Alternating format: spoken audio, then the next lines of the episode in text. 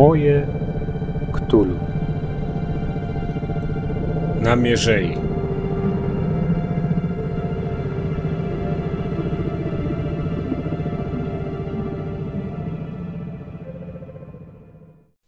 Cześć, jestem Kacper i witam Was w podcaście Moje Ktulu. Moje Ktulu to podcast dla graczy i strażników tajemnic, którzy chcą poszerzyć i pogłębić wymiar nadnaturalnej grozy na swoich sesjach w Zewktulu RPG. Wiele inspiracji i informacji znajdą tu też miłośnicy innych ktulowych RPGów, a także karcianek, gier planszowych i komputerowych. Za nami rozstrzygnięcie drugiego konkursu karnawałowego. Dziękuję za wszystkie nadesłane odpowiedzi. Zwycięzca otrzymał podwójne zaproszenie na spektakl Zew Ktulu w Nowym Teatrze w Warszawie w reżyserii Michała Borczucha. Z tego, co od niego słyszałem, to nagrodę wykorzystał. Zawsze jest mi miło, kiedy wpływają te odpowiedzi konkursowe, więc już planuję na niedaleką przyszłość kolejne konkursy. Będę Wam dawał znać na bieżąco. Pamiętajcie, że moje Ktulu jest moje głównie z nazwy, tak naprawdę to wasze Ktulu, więc wszelkie uwagi, recenzje i rady są mile widziane. Zachęcam Was do subskrybowania tego podcastu na Waszej ulubionej platformie. Polecajcie go też, proszę, Waszym znajomym, grającym w Ktulu i tym, których chcecie do grania zachęcić. W dzisiejszej audycji ledwie muśniemy taflę wody, a może jednak spróbujemy zanurzyć głowę pod powierzchnię. Czy przekop przez Mierzeję Wiślaną, który tak konsekwentnie zdają się forsować nasi rządzący, jest aby na pewno motywowany potrzebą poprawy bezpieczeństwa narodowego i skróceniem szlaków pomiędzy Elblągiem a Trójmiastem? A może chodzi o ukryte przed opinią publiczną międzynarodowe rozgrywki pomiędzy kultami i potomstwem Dagona, istotami z głębin? Czy przekop jest tarczą, która ma nas chronić przed wpływem podwodnych monstrów? Czy może subtelnie sterowaną przez nie inwestycją? Spróbujemy poszukać różnych odpowiedzi na to pytanie, które przydadzą się na Waszych sesjach. Omówimy też zasady dotyczące nurkowania z podręcznika Przerażające podróże. Mam fragment literacki z Dagona Howalda Phillipsa Lovecrafta i korespondującą z nim recenzję recenzję nowo wydanej przez włoskie wydawnictwo Officina Meningi paragrafówkę The Necronomicon Gamebook Dagon. Z tytułu i deklaracji wydawców wynika, że jest to pierwsza pozycja w planowanej serii. Ja już rozegrałem całą tę historykę i przygotowałem dla Was relację z tego, jak się w to gra. W dzisiejszym odcinku czeka też na Was oczywiście akcent muzyczny. Tym razem gościmy włoskiego jazzmana, saksofonistę i puzonistę Sandro Marignoniego. Jego utwór o wymownym tytule Dagon, wydany w ramach składanki Clinical Archives, usłyszycie już za chwilę. Clinical Archives to jest e, internetowy niezależny label.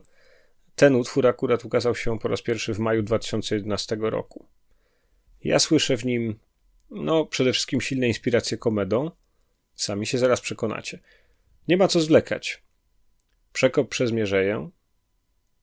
Zaczynamy.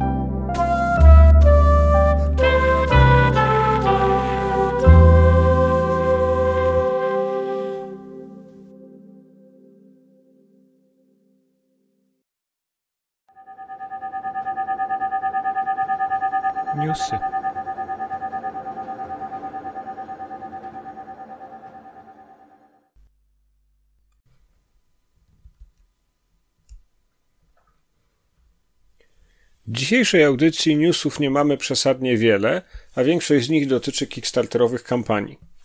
Co prawda, mamy y, jakieś interesujące zapowiedzi, które docierają ze strony wydawnictwa Pelgrane Press, wydawcy m.in. Delta Green oraz nowej gry Król żółcieni RPG, ale są to w zasadzie ogólne zapowiedzi dotyczące planów wydawniczych e, tego domu na rok bieżący i przyszły.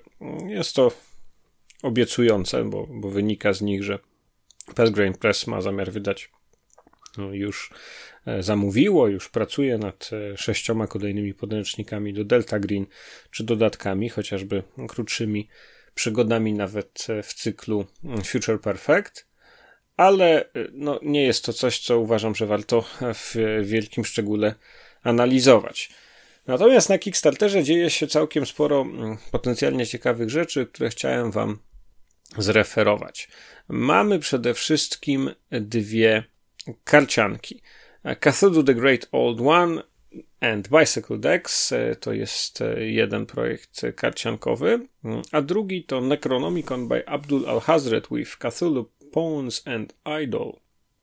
To są samoistne karcianki, one nie powstają na licencji Chaosium. Ta druga wyróżnia się tym, że w ramach kampanii i elementem gry są takie dość ładne ładnie zaprojektowane przez jakiegoś artystę i, i wykonane e, takie mini rzeźby głów Ktulu z mackami, które mnie się osobiście bardzo podobają. Poza tym na Kickstarterze mamy na tej niwie rzeźbiarskiej jeszcze projekt, który nazywa się Cthulhu the Harbinger, czyli Cthulhu Herald. Domyślę chodzi o Heralda Zagłady. Oczywiście projekt e, sam w sobie jest ciekawy, bo firmuje go Sandy Peterson, a on z dość dużą regularnością tutaj publikuje mm, kolejne swoje mm, projekty kickstarterowe i nigdy nie ma problemu ze znalezieniem chętnych. Mamy w tej zbiórce po prostu możliwość zakupienia wykonanej z żywicy figurki wielkiego Ktulu. Mm, Cthulhu Harbinger, tak właśnie ona się nazywa. Jest całkiem spora i dość obrzydliwa, to znaczy przerażająca. Z e, jakiej jest wielkości mniej więcej? No ja bym powiedział, że mierzy gdzieś chyba z 15 czy 20 centymetrów wysokości. Można w tej zbiórce jeszcze jakieś tam odbitki, materiały promocyjne do niej zebrać.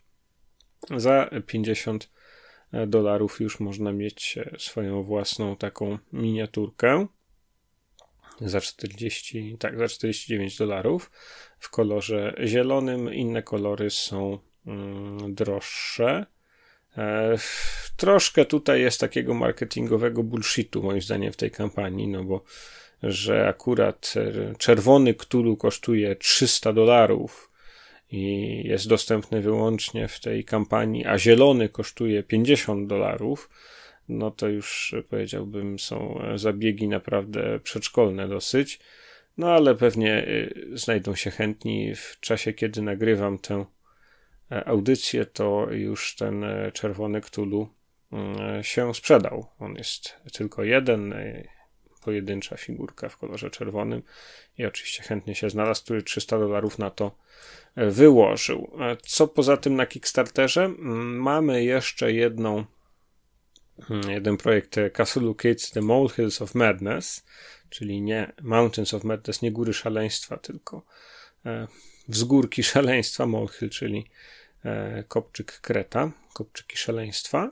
Co to jest? No jest to po prostu ktulowy komiks w dziecięcej estetyce. Natomiast na koniec zostawiłem sobie największy chyba smaczek, najbardziej niesamowity E, element, e, który teraz jest dostępny na Kickstarterze, zbiórka, która zresztą wystartowała dopiero i nosi tytuł WrestleNomicon.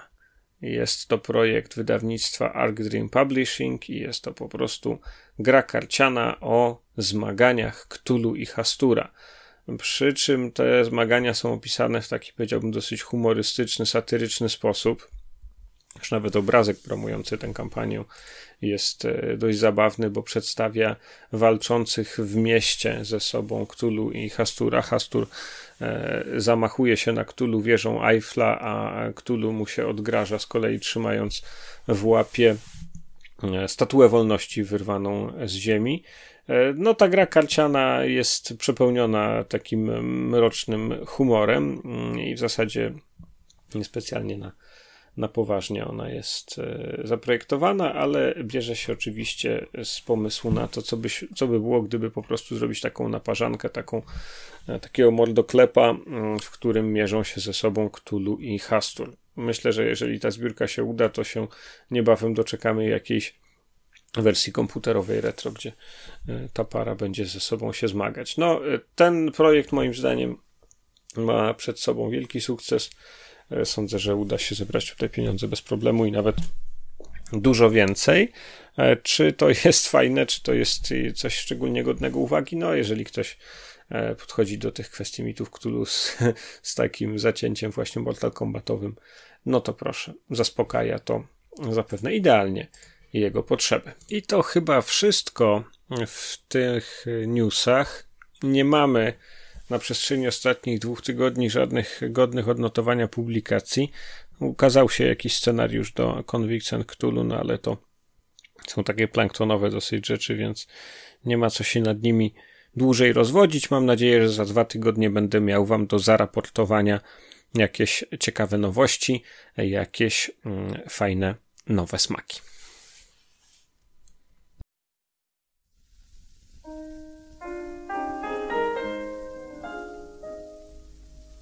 Cthulhu w Polsce.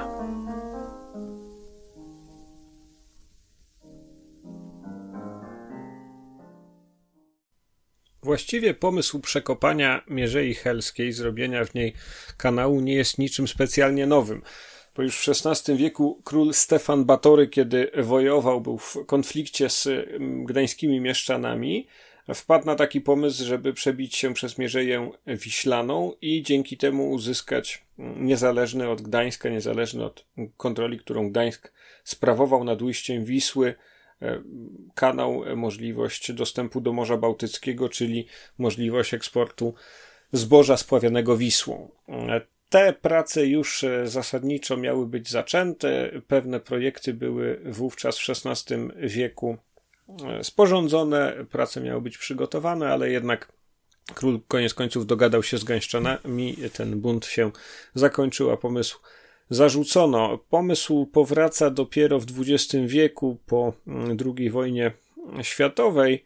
E, jest to, można powiedzieć, taki ostatni akord wielkiej kariery Eugeniusza Kwiatkowskiego, czyli przedwojennego twórcy potęgi Gdyni przedwojennego wicepremiera, który, e, któremu zawdzięczamy powstanie portu morskiego w Gdyni i fantastyczny jego rozwój, fantastyczny jego boom przedwojenny. Eugeniusz Kwiatkowski po wojnie wychodzi z takim pomysłem, żeby zapewnić Elblągowi właśnie dostęp do Morza Bałtyckiego, ale nic z tego nie wychodzi. Dopiero już w XXI wieku różne starania i zabiegi czynione przez e, włodarzy i, i, i społeczeństwo Elbląga w tym kierunku owocują, dlatego że w 2006 roku Jarosław Kaczyński, który był wówczas premierem, zapowiada, że taki przekop powstanie. Wówczas planowano, że będzie to e, przekop o szerokości 40 metrów, który udostępni dla żeglugi Zalew Wiślany, niezależnie od e, problemów z dostępem na e, szeroki Bałtyk przez cieśninę pilawską. No właśnie, dlaczego w ogóle przekop jest potrzebny, jeżeli jest potrzebny? Ano dlatego, że Zalew Wiślany, oddzielony od Morza Bałtyckiego właśnie Mierzeją Wiślaną, jest połączony z pełnym morzem w jednym tylko miejscu. Mierzeja ma jedną przerwę i nazywa się ta przerwa Cieśniną Pilawską. Jest ona zlokalizowana już w bliskości Królewca, daleko na północy i tam e, ten przesmyk, ta, ta cieśnina znajduje się obecnie na terytorium Federacji Rosyjskiej, na terytorium obwodu kaliningradzkiego. Ze względu na to, że relacje między Polską a Rosją są jakie są, ale tutaj akurat wiele się nie zmieniło od, od czasów PRL-u też, bo wówczas też wcale nie było takiej swobody żeglugi przez tę cieśninę pilawską. No ale ze względu na to, jakie te relacje polityczne są, jak one się układają, to tak naprawdę nie ma realnej możliwości prowadzenia swobodnej żeglugi przez cieśninę pilawską. Co samo w sobie z punktu widzenia prawa międzynarodowego w ogóle jest ciekawym zagadnieniem, dlatego że podejmowały obie strony próby uregulowania tego i zapewnienia właśnie tej swobody żeglugi przez cieśninę pilawską, żeby do Elbląga można było pływać, ale e, te próby niestety spełzły jak dotąd na niczym i wręcz można e, powiedzieć, że porozumienie, które dziś reguluje kwestie relacji między Polską a Rosją w kwestii eksploatacji cieśniny pilawskiej, jest dla Polski mniej korzystne niż gdyby tego porozumienia w ogóle nie było. E, to znaczy, gdyby chcieć kwestię żeglugi przez cieśninę pilawską rozstrzygać według konwencji o prawie morza z Montego Bay z 1982 roku. E, bowiem w tej chwili w cieśninie pilawskiej obowiązuje dosyć restrykcyjny reżim e, związany z tym, że trzeba e, z dużym wyprzedzeniem awizować E, zamiar przejścia wszelkiego rodzaju jednostek tam, co sprowadza się do tego, że w zasadzie Rosjanie mają dużą swobodę decydowania, czy jakiś e, e, jacht, czy statek, czy okręt w ogóle wpuszczą, jeśli tak, to kiedy. Jest to rozwiązanie niepraktyczne, które sprawia, że w tej chwili w zasadzie port w Elblągu, który jeszcze 20 parę lat temu obsługiwał całkiem sporo ruchu towarowego i pasażerskiego między Polską a obwodem kaliningradzkim, E, można powiedzieć, nieco zamiera i nie realizuje pełni swojego potencjału. Z czego to wynika? No wiadomo, że ta cieśnina pilawska jest strategicznie ważna dla Rosjan i kontrola nad nią jest e, dla nich z politycznego i wojskowego punktu widzenia bardzo ważna, dlatego że e, w Kaliningradzie, czyli w dawnym Królewcu, mieści się baza morska floty bałtyckiej i przez tę cieśninę pilawską właśnie flota bałtycka ma wyjście na pełne, na pełne morze. E, e, w każdym razie, wracając do kwestii mm, przekopu, wracając do kwestii e, kanału, który ma połączyć Zatokę Gdańską z Zalewem Wiślanym.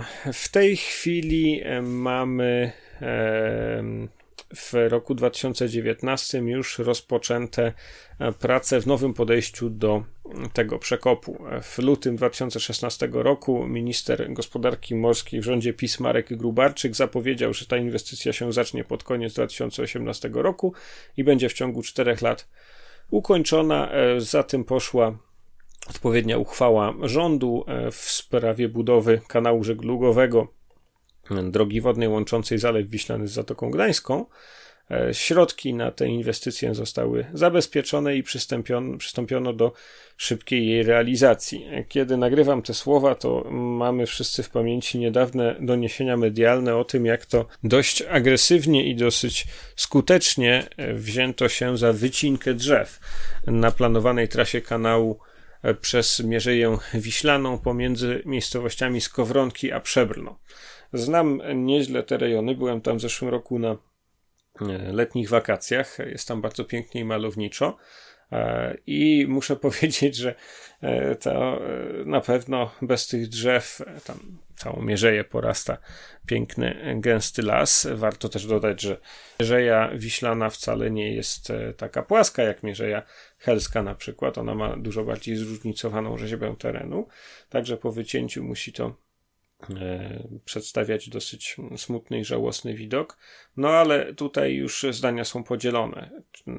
Które wartości są większe? Czy wartości przyrodnicze związane z tym, że w tej części Zalewu Wiślanego na przykład lęgną się ptaki, że jest to e, z punktu widzenia też hydrologicznego dosyć ciekawy unikalny ekosystem, który trzeba chronić, czy to, żeby właśnie ze względów strategicznych ten przekop przeprowadzić. Ja się nie podejmuję, bo, bo nie czuję się kompetentny do tego, żeby rozstrzygać ten spór. E, na pewno jedna i druga strona przedstawiają argumenty z e, trochę innych rzeczywistości, z trochę innych światów, ale e, tak przynajmniej na marzec 2019 roku wygląda na to, że rozstrzygnięcie jest jednoznaczne i że ten przekop po prostu powstanie. Mamy w tym celu podpisaną specjalną specustawę, e, mamy e, przetarg ogłoszony na realizację tego, jeżeli tylko mm, oferty wpłyną, to e, niewyczerpujące tego budżetu, który na to przedsięwzięcie jest przeznaczony, to raczej ten przekop powstanie, będzie się składał z kanału i odpowiednich budowli wodnych, czyli po prostu śluzy, która będzie pozwalała na zmianę poziomu, po którym żeglują e, odpowiednie jednostki przechodzące z Bałtyku na Zalew Wiślany i w drugą stronę. E, mamy więc już niebawem dowiedzieć się, e, jakie oferty wpłynęły i czy ta inwestycja zostanie rzeczywiście zrealizowana. Jest to projekt ambitny, projekt infrastrukturalny z gatunku takich, które rzeczywiście budzą zainteresowanie. Ale przecież nie z powodów czysto inżynieryjnych on się znajduje w dzisiejszej audycji e, podcastu Moje Ktulu. Chciałbym e, zaproponować Wam, patrząc na przekop, patrząc na kanał żeglugowy o pięknej poetyckiej nazwie Nowy Świat, to znaczy właśnie na ten projekt e, przekopu przez Mierzeję Wiślaną, rozpatrzyć kilka możliwych zahaczek, które sprawiają, że można byłoby wykorzystać to wydarzenie, te, te fakty bieżącego życia polityczno-środowiskowego na waszych sesjach w Zewie Cthulhu. I mam tutaj zarówno na myśli sesje w systemie Delta Green, kiedy gra się agentami służb zajmujących się badaniem kwestii ingerencji mitów i jakimiś próbami zapobiegania negatywnym skutkom tej ingerencji, jak i e, po prostu w klasycznym settingu ktulowym, e, tylko w latach e, współczesnych. Jakie tutaj możemy zahaczki wykorzystać? Pierwsza z nich oczywiście nasuwa się sama mm, z siebie. W Zatoce Gdańskiej najprawdopodobniej istnieje jakaś kolonia istot z głębin dlaczego miałoby jej tam nie być. I to kultyści Dagona i Hydry, ewentualnie agenci istot z głębin wpływają na e, krajową politykę w ten sposób, żeby ten e, przekop powstał, żeby ten kanał umożliwił swobodniejszy ruch właśnie tych potworów z otwartego morza na e, Zalew Wiślany. E, moglibyśmy tutaj jeszcze dopisać sobie, że być może ci Rosjanie, których e, tutaj e, całkiem chyba zresztą słusznie odmalowujemy jako negatywnych bohaterów całej tej historii, ponieważ oni ograniczają swobodę przepływu przez cieśninę pilawską i robią to tyle z przyczyn strategicznych, wojskowych, jak i po prostu z takiej zwykłej politycznej, międzynarodowej złośliwości, że być może ich rola w świecie mitów Ktulu jest z kolei pozytywna, dlatego że może oni tam właśnie trzymają w szachu te istoty z głębin, może tam podwodni komandosi specnazu polują na nie. E, poszukajcie sobie na Wikipedii. Rosjanie mają w swoim arsenale między innymi takie specjalne karabiny do strzelania pod wodą, to znaczy karabiny do użytku przez e, płetwonurków komandosów. Ciekawy dosyć e, pomysł, e, opracowany jeszcze w czasach ZSRR na potrzeby podwodnej ochrony portu w Murmańsku i innych strategicznych, niezamarzających portów. No więc możemy sobie tutaj wyobrazić, że jeżeli przyjmiemy scenariusz w Zatoce Gdańskiej są istoty z głębin, jest ich kolonia i one chcą zapewnić sobie mm, e, swobodniejszy przepływ, e, czy, czy do jakichś innych swoich niecnych celów chcą wykorzystać ten przekop, no to tutaj Rosjanie nam wychodzą w roli pozytywnej, jako ci, którzy obecnie je szachują. Inny scenariusz, związany ściśle już z Delta Green, mógłby dotyczyć przygotowań do lokalizacji bazy amerykańskiej w Polsce. Słyszymy też w mediach o projekcie znanym pod kryptonimem, czy w zasadzie pod medianimem e, Fort Trump, e, to znaczy o staraniach obecnych e, rządu PiS, żeby mm, jak najszybciej w Polsce stałą obecność zaznaczyły siły amerykańskie, żeby po prostu powstała tutaj taka klasyczna baza, nie taka jak to, co jest w Redzikowie, czy nie taka tylko rotacyjna obecność wojsk amerykańskich, z którą mamy do czynienia obecnie, ale po prostu stała baza, gdzie siły, powiedzmy, w wielkości być może nawet brygady e, amerykańskiej by sobie w Polsce na stałe były i dbały o nasze bezpieczeństwo.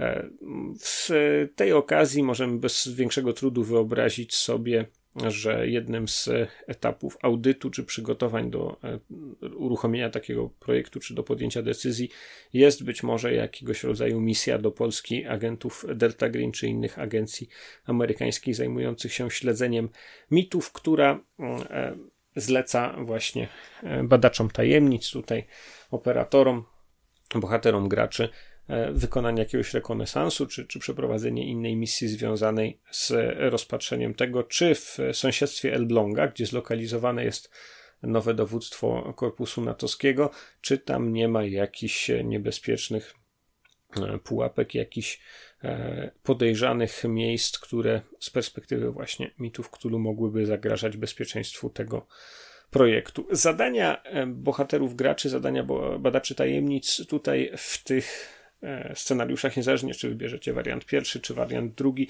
mogą być bardzo różne. Może to być śledztwo prowadzone na mm, budowie przekopu, może być to wręcz przeciwnie, jakaś misja sabotażowa, która ma zapobiec e, kontynuacji tej inwestycji lub w ogóle ją e, wyhamować.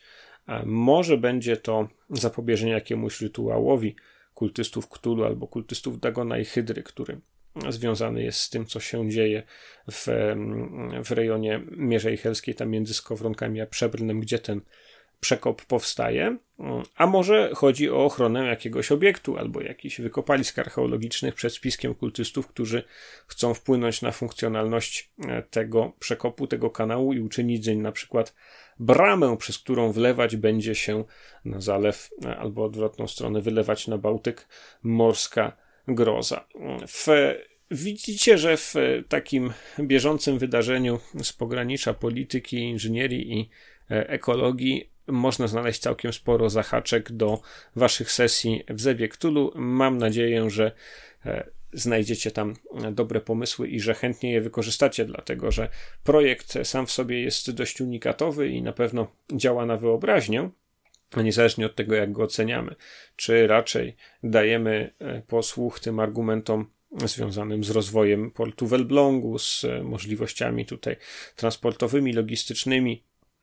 Coś w tym jest, no bo e, Gdańsk i Gdynia przecież nie mają nieograniczonej przepustowości i powoli zaczynają się zatykać, jeśli chodzi o różnego rodzaju ładunki morskie, które tutaj do nas docierają czy raczej posłuchamy tych argumentów drugiej strony, mówiących, że będzie to miało e, tragiczny, niszczycielski wpływ na e, sytuację środowiskową na wspaniałym Zalewie Wiślanym zarówno dla ryb, jak i dla ptaków i że jeszcze co do tego może być ekonomicznie nie do utrzymania, ekonomicznie nie do uzasadnienia, a w dłuższej perspektywie, niezależnie od tego, które z tych argumentów bardziej do Was przemawiają, możecie z powodzeniem wykorzystać projekt Nowy Świat, projekt przekopu przez Mierzeję Wiślaną na Waszych ktulowych sesjach. Do tego Was zachęcam i zapraszam.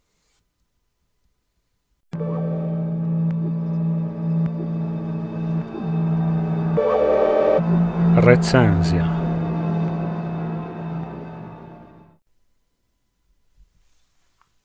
Jeśli przeszliście już samotnie przeciwko ciemności wydane przez Black Monk, to czas spróbować kolejnej paragrafówki. The Necronomicon Gamebook Dagon To najnowsze wydawnictwo włoskie Officina Meningi z Padwy. Książeczka jest dużo fajniejsza niż by obiecywały niepozorne jej rozmiary. Do mnie trafiła, ponieważ wsparłem projekt jej wydania na Kickstarterze i nie zawiodłem się. Za jedyne 10 euro otrzymałem ponad 60-stronicową grę paragrafową składającą się z blisko 100 rozdziałów. Co wyróżnia tę paragrafówkę? To trzy rzeczy. Po pierwsze, autorzy pozwolili sobie na bardzo bezpośrednie naśladownictwo prozy Lovecrafta. Krótko mówiąc, większość paragrafów to po prostu przeredagowane fragmenty opowiadań Dagon, Ogar Styndalos i Święto. Nie każdemu to się spodoba. Jedni powiedzą, że to trochę nadużycie, drudzy, że woleliby otrzymać w 100% oryginalny materiał, po prostu. Ja jednak, choć rozumiem te zastrzeżenia, nie podzielam ich przesadnie. Dzięki tej książeczce mogłem bowiem przeżyć opowiadanie Święto, jedno z moich ulubionych, które rozgrywa się w okresie Bożego Narodzenia w Kingsport, a śledzenie szwów pomiędzy oryginalnym tekstem a fragmentami narracji z tego opowiadania było dla mnie tylko dodatkową rozrywką. Po drugie, jeśli porównamy The Necronomicon Gamebook Dagon z Samotnie przeciwko ciemności, to ta nowa włoska gra ma o wiele mniej rozbudowaną mechanikę. Samotnie przeciwko ciemności opiera się na mechanice Basic Roleplaying z siódmego wydania z Cthulhu, a w recenzowanej przeze mnie dziś grze mamy coś dużo, dużo mniejszego. W zasadzie naszą postać opisują trzy współczynniki i przy ich pomocy oraz w oparciu o rzuty kością sześcienną rozpatrujemy testy w grze.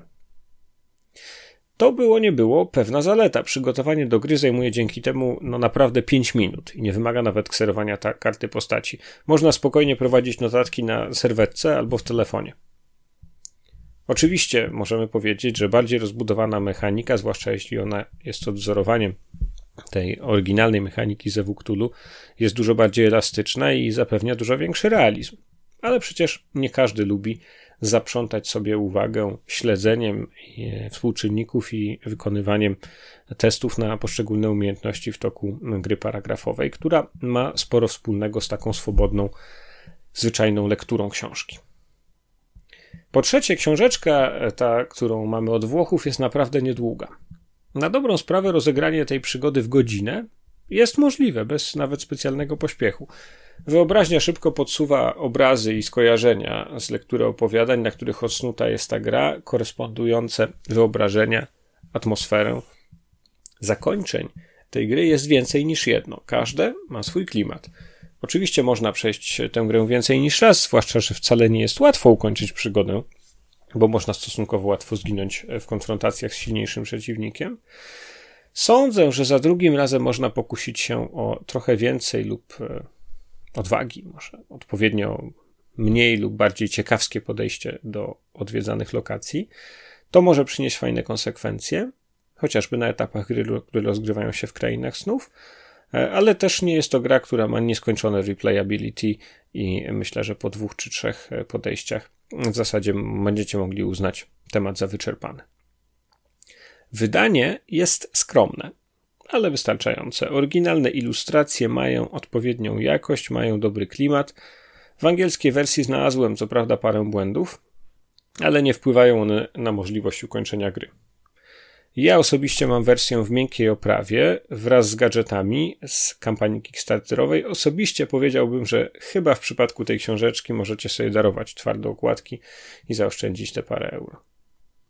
Jaki werdykt? Jeśli chcecie ktulowej paragrafówki, to najpierw przede wszystkim kupcie i rozegrajcie samotnie przeciwko ciemności. A potem, jeśli będziecie chcieli czegoś innego, zaopatrzcie się w PDF-a od Włocha.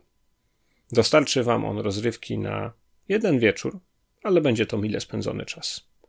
Ta drobna książeczka w szkolnej skali otrzymuje ode mnie ocenę 4.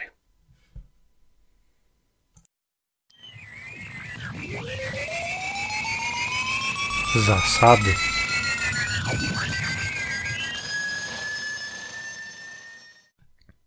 To już nie pierwszy raz w podcaście Moje odnoszę się do dodatku Przerażające podróże. Tytuł oryginalny Fearful Passages, który jest jednym chyba z najciekawszych, najlepiej znanych dodatków do Zewu Ktulu wydanych w latach 90. po polsku. Dzisiaj w związku z morsko-płetwonurkowym tematem mam zamiar przybliżyć Wam propozycję rozwinięcia zasad związanych z nurkowaniem, które znajdują się w tym podręczniku w polskim wydaniu na stronach 56 do 59 w rozdziale zanurzenia alarmowe. Jest to e, dość szczegółowy opis mechaniczny tego, w jaki sposób należy w latach dwudziestych prowadzić e, przygody związane z eksploracją morskich głębin przy zastosowaniu takiego tradycyjnego kombinezonu nurkowego, to znaczy z, z hełmem i skafandrem oraz z mm, podawaniem powietrza pod ciśnieniem przez aparat z powierzchni, czyli taki tradycyjny płetwonurek właśnie w kulistym hełmie z wizjerami. E, mamy w zanurzeniu alarmowym rozpisany szereg zagadnień związanych z nurkowaniem i tym, jak je mechanicznie rozwiązywać. Mamy więc wprowadzenie nowej umiejętności nurkowanie, opis kostiumu nurka i ile on kosztuje mniej więcej w latach dwudziestych, rozpiskę tego, jak modyfikować testy umiejętności, kiedy wykonujemy te testy pod wodą e, oraz e, krótką historię nurkowania a potem już następują bardzo szczegółowe i bardzo ciekawe uwagi na temat e, dodatkowych elementów mechanicznych, które powinniśmy wprowadzić w związku z eksploracją morskiej głębiny. Te dwa elementy dotyczą choroby dekompresyjnej i hipotermii, czyli dwóch zagrożeń czyhających na nurków mm, w każdej epoce, tak naprawdę, nie tylko w latach dwudziestych, niezależnie od tego, jakiego sprzętu się używa. Ja się na nurkowaniu zbyt dobrze nie znam. Wydaje mi się, że w ogóle o nurkowaniu to można byłoby kiedyś zrobić osobny odcinek we współpracy na przykład z Muzeum Nurkowania w Warszawie, ale to jest pieśń przyszłości. Na razie przyjrzyjmy się temu, co tutaj Chaosium nam proponuje, jeśli chodzi o chorobę dekompresyjną, e, zwaną też chorobą kesonową. E, w przerażających podróżach mamy więc wytłumaczone, z czego ona się bierze, kiedy została mm, zidentyfikowana, odkryta, jak była diagnozowana w owym czasie i jak należy ją mechanicznie wykorzystywać. Pamiętajcie, że w poprzednich edycjach ze Cthulhu współczynniki nie były w E, skali od 0 do 100 dla przeciętnego człowieka, tylko raczej w tych przedziałach od 1 do, do 20. W związku z czym niektóre przeliczniki, które wtedy stosowano, nie są tak dobre w nowej edycji. E, wspominam o tym dlatego, że autorzy tutaj proponują do mm, choroby kesonowej, jeżeli się nie wynurza mm, w odpowiednim tempie, zgodnym z tabelami dekompresyjnymi, to to już można rozegrać się fabularnie, dlatego że nie ma sensu wprowadzać dodatkowego elementu matematycznego, dodatkowych tych tablic dekompresyjnych do mechaniki gry, e, to e, tutaj założenie jest takie, że za każde za każdą atmosferę powyżej drugiej, jeśli chodzi o zwiększające się ciśnienie pod wodą, e, jak się tam przebywa, otrzymuje się 1K6 punktów obrażeń. To znaczy, że jeżeli jestem na poziomie 40, e, powiedzmy 45 metrów, tam gdzie ciśnienie wynosi około 6 atmosfer, to wynurzając się zbyt, zbyt szybko, to będę otrzymywał łącznie 4K6 obrażeń w etapach po 1K6, co liczbę minut równą mojej kondycji razy 2. Tylko ostrzegam tutaj, to jest kondycja w starym tego słowa znaczeniu, starej nomenklaturze, czyli e, dzisiaj byśmy powiedzieli, że to jest e, kondycja podzielona przez 5 razy 2. To jest ten odstęp czasowy, w jakim e, w czasie świata przedstawionego w czasie gry będziemy otrzymywali te obrażenia, bo takie będzie nasze tempo wynurzania się. E, oczywiście to następuje tylko wtedy, kiedy się wynurzamy bez zachowania postojów, bez zachowania właśnie tego zalecanego tempa aklimatyzacji do poszczególnych poziomów ciśnienia. Jest to moim zdaniem dobrze rozpisane, dlatego że 1K6 punktów obrażeń za każdą dodatkową atmosferę różnicy ciśnienia. To jest e, całkiem sensowne. Przy, w przypadku wynurzania się z głębokości, na której jest ciśnienie, powiedzmy na poziomie trzech atmosfer, czterech jest to jeszcze wyobrażalne, że można to przetrwać. Prawdopodobnie będą to obrażenia związane z jakimiś e, wylewami, jakimiś sińcami, natomiast już na tych niższych poziomach zagrożenie jest śmiertelne, czyli na przykład e, epizod niepoczytalności mm, czasowej, epizod obłędu mm, w głębinach będą śmiertelnym zagrożeniem, dlatego że jeżeli ktoś się przestraszy, na przykład istoty z głębin, szogota, czy cokolwiek go tam spotka pod wodą, no jako badacz tajemnic, to wynurzając się naprawdę ryzykuje życiem. Drugi ciekawy element mechaniczny, który wprowadzają przerażające podróże do kwestii nurkowania, to mechanika hipotermii.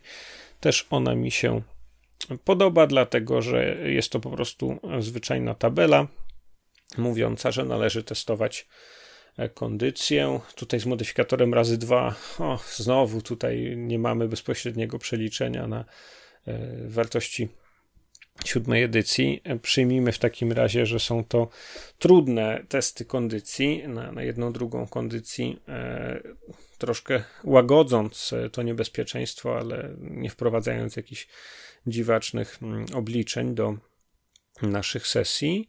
Więc e, w zależności od rzeczywistej temperatury wody, gracz będzie testował dla swojego badacza tajemnic w odpowiednich odstępach czasu.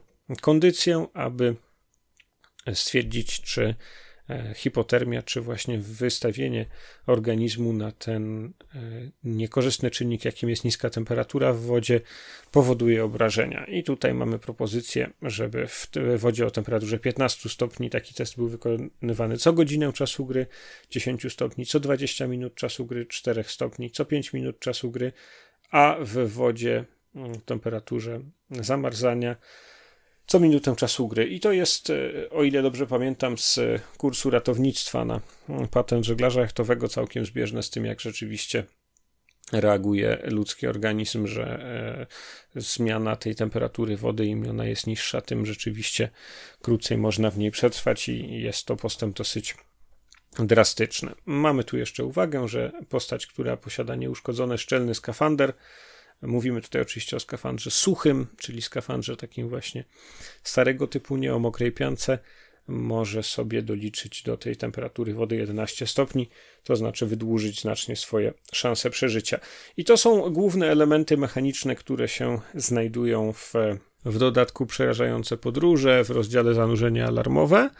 Moim zdaniem e, można się wciąż na nich wzorować, można wciąż się tym podpierać, projektując podwodne przygody. Oczywiście dostosowując to technicznie do nowych e, e, odkryć, nowych wynalazków w zakresie właśnie nurkowania, takich jak już ten akwalung powiedzmy lat 40. czy 50., czyli akwalung dla e, pojedynczego płetwonurka bez potrzeby podawania powietrza z zewnętrznego aparatu przez rurę, tylko po prostu przez przewód z butli na plecach. Tak czy inaczej, te zasady dobrze się i do tego stosują i osobiście rekomenduję ich stosowanie.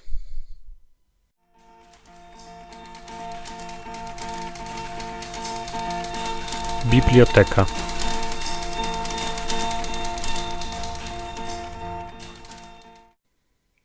Howard Phillips Lovecraft.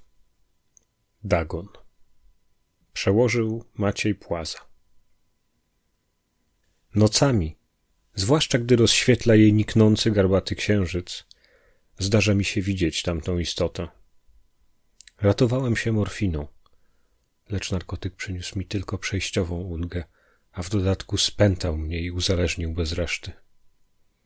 Oto spisałem więc wszystko, co przeżyłem. Kto chce, niech wierzy. Albo zbędzie to pogardliwym rozbawieniem i zamierzam ze wszystkim skończyć. Często zadaję sobie pytanie: czy nie mógł to być wytwór czystej fantazji? Gorączkowy majak zrodzony w Malignie, kiedym leżał w otwartej łodzi po ucieczce z niemieckiego okrętu. Zadaję je sobie raz po raz, lecz w odpowiedzi zawsze pojawia mi się przed oczyma tamten widok, tak szkaradnie wyrazisty. Ilekroć pomyślę o morskich głębiach, przejmuje mnie dreszcz. Wyobrażam sobie, że właśnie teraz te nieopisane stwory wiją się i roją swojej śluzowatej macierzy, oddając cześć pradawnym kamiennym bożkom i rzeźbiąc ich wstrętne podobizny na podmorskich obeliskach z wyszlifowanego przez wodę granitu. Roi mi się w snach, że pewnego dnia mogą powstać z morskich głębin i wyciągnąć swe cuchnące szpony po niedobitków zmizerniałej, wyczerpanej woliną ludzkości. Że pewnego dnia ziemia pogrąży się w odmętach, a mroczne dno oceanu wynurzy się wśród powszechnego pandemonium. I to już wszystko w dzisiejszym wydaniu podcastu Moje Ktulu. Uprzejmie dziękuję za uwagę. Zapraszam i zachęcam do subskrybowania podcastu, do komentowania, do przesyłania swoich propozycji i do udziału w konkursach, które były i na pewno będą już niebawem. Niestety, wbrew moim pierwotnym intencjom, nie będziemy mieli szansy spotkać się na Karkosa Konia na Zamku Czocha w tym miesiącu. Okazało się to przedsięwzięcie nieco przerastać moje możliwości logistyczne. Życzę wszystkim Wam, którzy się tam wybieracie, fantastycznej zabawy, dużo e, dobrych, nowych inspiracji, wspaniałych spotkań z przedstawicielami Chaosium i międzynarodowej społeczności ktulowej, no i po prostu wszystkiego przerażającego. Mam nadzieję, że będziecie się tam świetnie bawić, nawiążecie nowe znajomości, dowiecie się mnóstwo ciekawych rzeczy i narodzą się tam być może nowe projekty, o których warto będzie wspominać, warto będzie opowiadać, które warto będzie zgłębiać w podcaście Moje Ktulu. Do usłyszenia za dwa tygodnie. Dziękuję Wam bardzo za uwagę. Słuchajcie mojego Ktulu na iTunes, na Google Podcast, na Blubry, na Stitcherze, na YouTubie, czy po prostu przez stronę www, tak jak Wam najlepiej pasuje. Na dziś to już wszystko.